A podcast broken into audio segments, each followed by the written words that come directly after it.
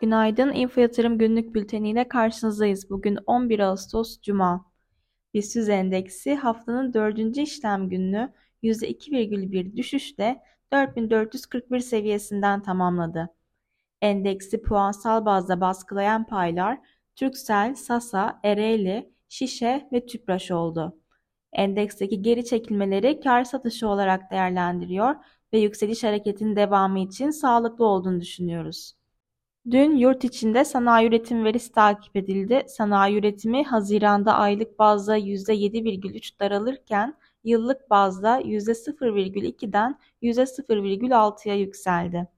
Diğer yandan Haziran ayına ilişkin iş gücü istatistikleri paylaşıldı. Buna göre işsizlik oranı Haziran ayında Mayıs ayına göre 0,1 puan artarak %9,6 seviyesinde gerçekleşti. Bugünse perakende satış verileri ve cari işlemler dengesi açıklanacak.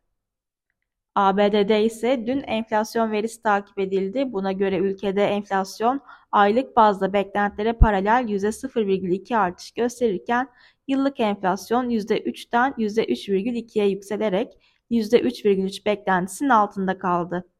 Çekirdek enflasyonun ise %4,8'e sabit kalması beklenirken %4,7 gerçekleşerek risk iştahını yükseltti.